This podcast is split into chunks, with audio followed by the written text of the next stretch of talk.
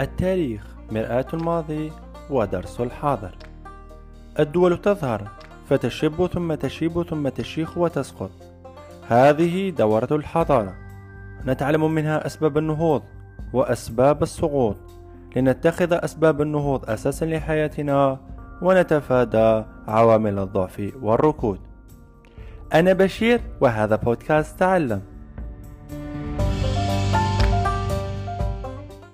حلقة اليوم المواجهة العسكرية الأوروبية الثانية الحرب العالمية الثانية 1939 1945 تكملة لما تم التطرق له سابقا فإن المواجهة دقت ناقوسها فحدث صراع حاد بين دول أوروبا. كان له انعكاسات خطيرة على العلاقات الدولية. منها ما هو إيجابي كخلق منظمة تسعى لتنظيم العلاقات الدولية. بطرق سلمية ومنها ما هو سلبي؟ أخطرها إذلال الدول المنتصرة للدول المنهزمة والتضييق عليها مما دفع بالدول المنهزمة إلى التحضير لمواجهة ثانية بفضل قادتها الدكتاتوريون. في هذه الحلقة سنركز على ثلاث نقاط مهمة عن المواجهة العسكرية الأوروبية الثانية ذات الأبعاد العالمية وهي العوامل أي الأسباب النتائج وطبيعة العلاقات الدولية بعد هذه المواجهة. أما العوامل فيمكننا تقسيمها إلى قسمين: العوامل الحقيقية أو الغير المباشرة، منها نتائج مؤتمر الصلح 1919 ولدينا مشكلة الأقليات، أيضا فشل عصبة الأمم في الحفاظ على السلم الدولي، أيضا رفض ألمانيا تطبيق قرارات مؤتمر الصلح يعني 1919 مؤتمر آه، مؤتمر فرساي أيضا السباق نحو التسلح أو استمرار السباق نحو التسلح. لدينا أيضا الأزمات الاقتصادية وانعكاساتها والأزمة الاقتصادية حدثت سنة 1929 أيضا التحالفات الإيديولوجية والعسكرية التي توسعت مقارنة بالحرب العالمية الأولى. بالنسبة للعوامل الغير حقيقية أو المباشرة أو ما يعرف بالقطرة التي أفاضت الكأس وهي أزمة أزمة البولندية أو أزمة ممر الداينزيغ وعدم التزام هتلر أي الحلف النازي الألماني بقرارات مؤتمر ميونخ في سبتمبر 1938 وسوء فهم التنازلات أي آه، أن فرنسا وبريطانيا وأمريكا لم تفهم التنازلات التي قدمها هتلر. يمكن تقسيم مجريات الحرب العالمية الثانية إلى ثلاثة مراحل.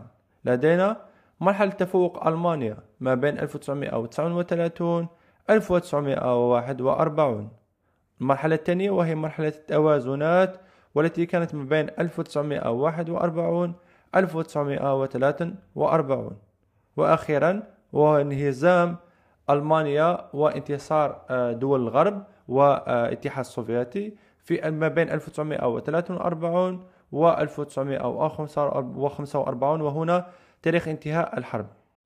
بعد صراع دام ست سنوات انتصر التحالف الأمريكي الغربي السوفيتي وانهزم هتلر والحزب النازي. إلا أن ما خلفته هذه الحرب هو أضعاف مضاعفة للمواجهة السابقة وقد كانت لهذه الحرب نتائج على البعدين القاري والعالمي.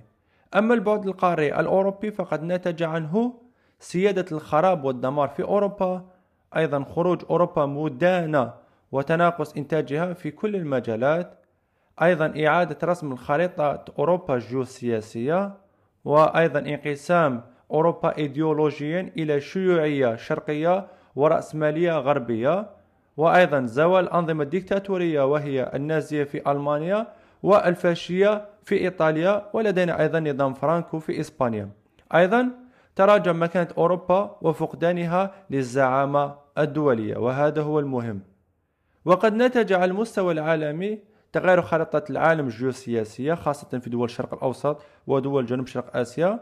أيضا استفادة المادية للولايات المتحدة الأمريكية هي التي استفادت من كل الحرب أيضا انتقال الزعامة الدولية إلى كل من الولايات المتحدة الأمريكية والاتحاد السوفيتي ومن قبل كانت أوروبا التي تتحكم في زمام الأمور. أيضا لدينا ظهور هيئة الأمم المتحدة لتنظيم العلاقات الدولية كبديل لعصبة الأمم لأن في 1919 بعد مؤتمر الصلح أنشئت منظمة دولية لمنع الحرب وتسمى عصبة الأمم League of Nations. لكن فيما بعد لما لم تمنع الحرب آه، وقامت هناك أزمات ك أزمة كأزمة أزمة مانشوريا وأيضا أزمة أزمة الحبشة وهي دخول إيطاليا إلى إلى إثيوبيا. فهذا ما أدى بأن هذه العصبة الأمم ستسقط. لهذا فقد أتت بديلا لها هيئة الأمم المتحدة وتكون أكثر شمولية وتغطي كل العالم وهي لا زالت موجودة لوقتنا الحالي. لأنها لحد الآن منعت الحرب. لم لم تكن هناك حرب عالمية آه، جديدة. أيضا انتشار موجة التحرر بعد المشاركة في الحرب. لدينا في الفيتنام لدينا أيضا في الجزائر لدينا في عدة مناطق. أيضا وأخيرا عقد سلسلة من مؤتمرات وبروز بوادر الحرب الباردة. وهذه المؤتمرات هي الممهدة للحرب الحرب الباردة وهي مؤتمر بوتسدام ومؤتمر يالطا. أيضا على أساس هذه النتائج ستعرف العلاقات الدولية طبيعة جديدة وسيظهر صراع من نوع جديد وتظهر طبيعة علاقات الدولية بعد هذه الحرب العالمية الثانية في لدينا سياسيا زوال التحالف بين السوفيات والغرب من قبل الاتحاد من أجل إسقاط آه، ألمانيا النازية. لدينا أيضا ظهور سياسة الاستقطاب وهي موجودة حاليا في وقتنا الحالي. كل دولة تسعى لاستقطاب وإغراء الدول الغير منحازة لأطراف الصراع. لدينا أيضا صراع داخل هيئات دولية كما قلنا هيئة المتحدة وأيضا خروج الولايات المتحدة الأمريكية عن عزلتها نهائيا اقتداء بالديمقراطيات الشعبية. فقد كانت من قبل تعتمد على مبدأ مونرو 1823 لكن فيما بعد ستخرج من هذا المبدأ وستعمل على إثارة ثورات داخل الدول من أجل قلب الأنظمة. هذا بالنسبة للجانب السياسي سوف نذهب للجانب الاقتصادي. فلدينا ظهور مشاريع اقتصادية وهي تعرف سياسة الاستقطاب مثل مشروع مارشال ومشروع أيزنهاور. سنراه في الحلقة القادمة بإذن الله. لدينا أيضا ظهور منظمة الكوميكون كمنظمة اقتصادية للاتحاد السوفيتي. أيضا ميلاد مؤسسة النقدية العالمية التابعة للولايات المتحدة الأمريكية والنظام العالمي. أما عسكريا فقد ظهرت سياسة الأحلاف العسكرية. هنا لدينا نموذجين حلفين وهو حلف وارسو التابع للشرق والاتحاد السوفيتي وأيضا حلف الشمال الأطلسي التابع للولايات المتحدة الأمريكية والغرب وهو لا زال في وقتنا الحالي وهي سياسة خطيرة تعمل على استمالة الدول من أجل من أجل الدفاع المشترك وهذا ما سنفصله في الحلقات القادمة بإذن الله. أيضا استمرار سباق نحو التسلح وتجريب أنواع جديدة من الأسلحة خاصة الأسلحة البيولوجية والغازات وغيرها من الأمور.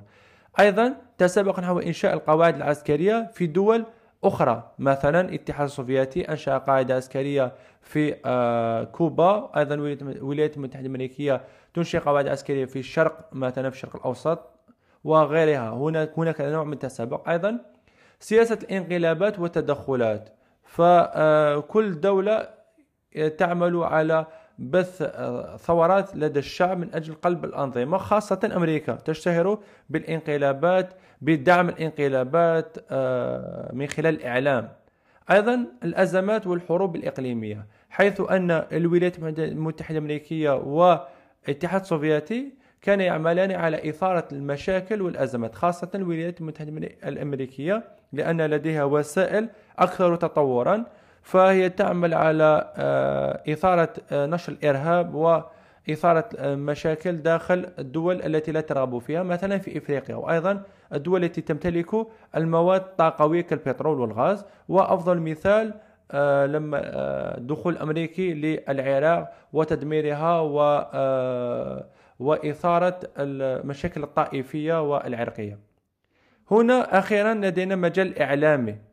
فلدينا الجوسسة والجوسسة المضادة من خلال البرمجيات من خلال برمجية في تلك الفترة أي حوالي 1945 46 47 لدينا أيضا آه، من خلال وسائل الإعلام من خلال بعث جواسيس وغيرها. توظيف حق الفيتو. حق الفيتو هذا الفيتو هو عبارة عن جهاز في مجلس الأمن في آه، في قبة الهيئة المتحدة وهو آه، يقوم بمعارضة أي قرار ينفي مصالح خمس دول دائمين لدينا الولايات المتحدة الأمريكية الاتحاد السوفيتي وأيضا الصين وفرنسا وبريطانيا. وهذه خمس دول إذا لم وهي مقسمة إلى تحالفين في الحقيقة. تحالف غربي وتحالف شرقي. الصين وروسيا الاتحاد السوفيتي في حلف والآخرين في حلف. فيعارضون أي قرار لا يخدم المصالح مصالح تلك الدولة. أيضا لدينا الدعاية الإعلامية المغرضة من خلال نشر أكاذيب وإشاعات وهي كانت هذه الفكرة كانت في القديم ولا زالت مستمرة إلى وقتنا الحالي. وأيضا هناك شيء مهم وهو إيواء المعارضة واللجوء السياسي من أجل ضرب الآخر من أجل ضرب الحلف الآخر وهي أيضا طريقة موجودة منذ القدم إلى وقتنا الحالي.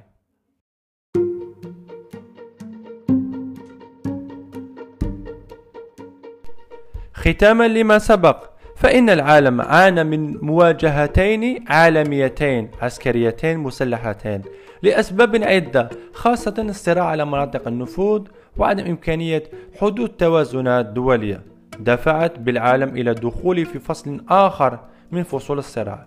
لم يستعملوا فيه أساليب المواجهة المباشرة إلا أن قطبي العالم اعتمدوا على أساليب أكثر خبثا من سابقتها.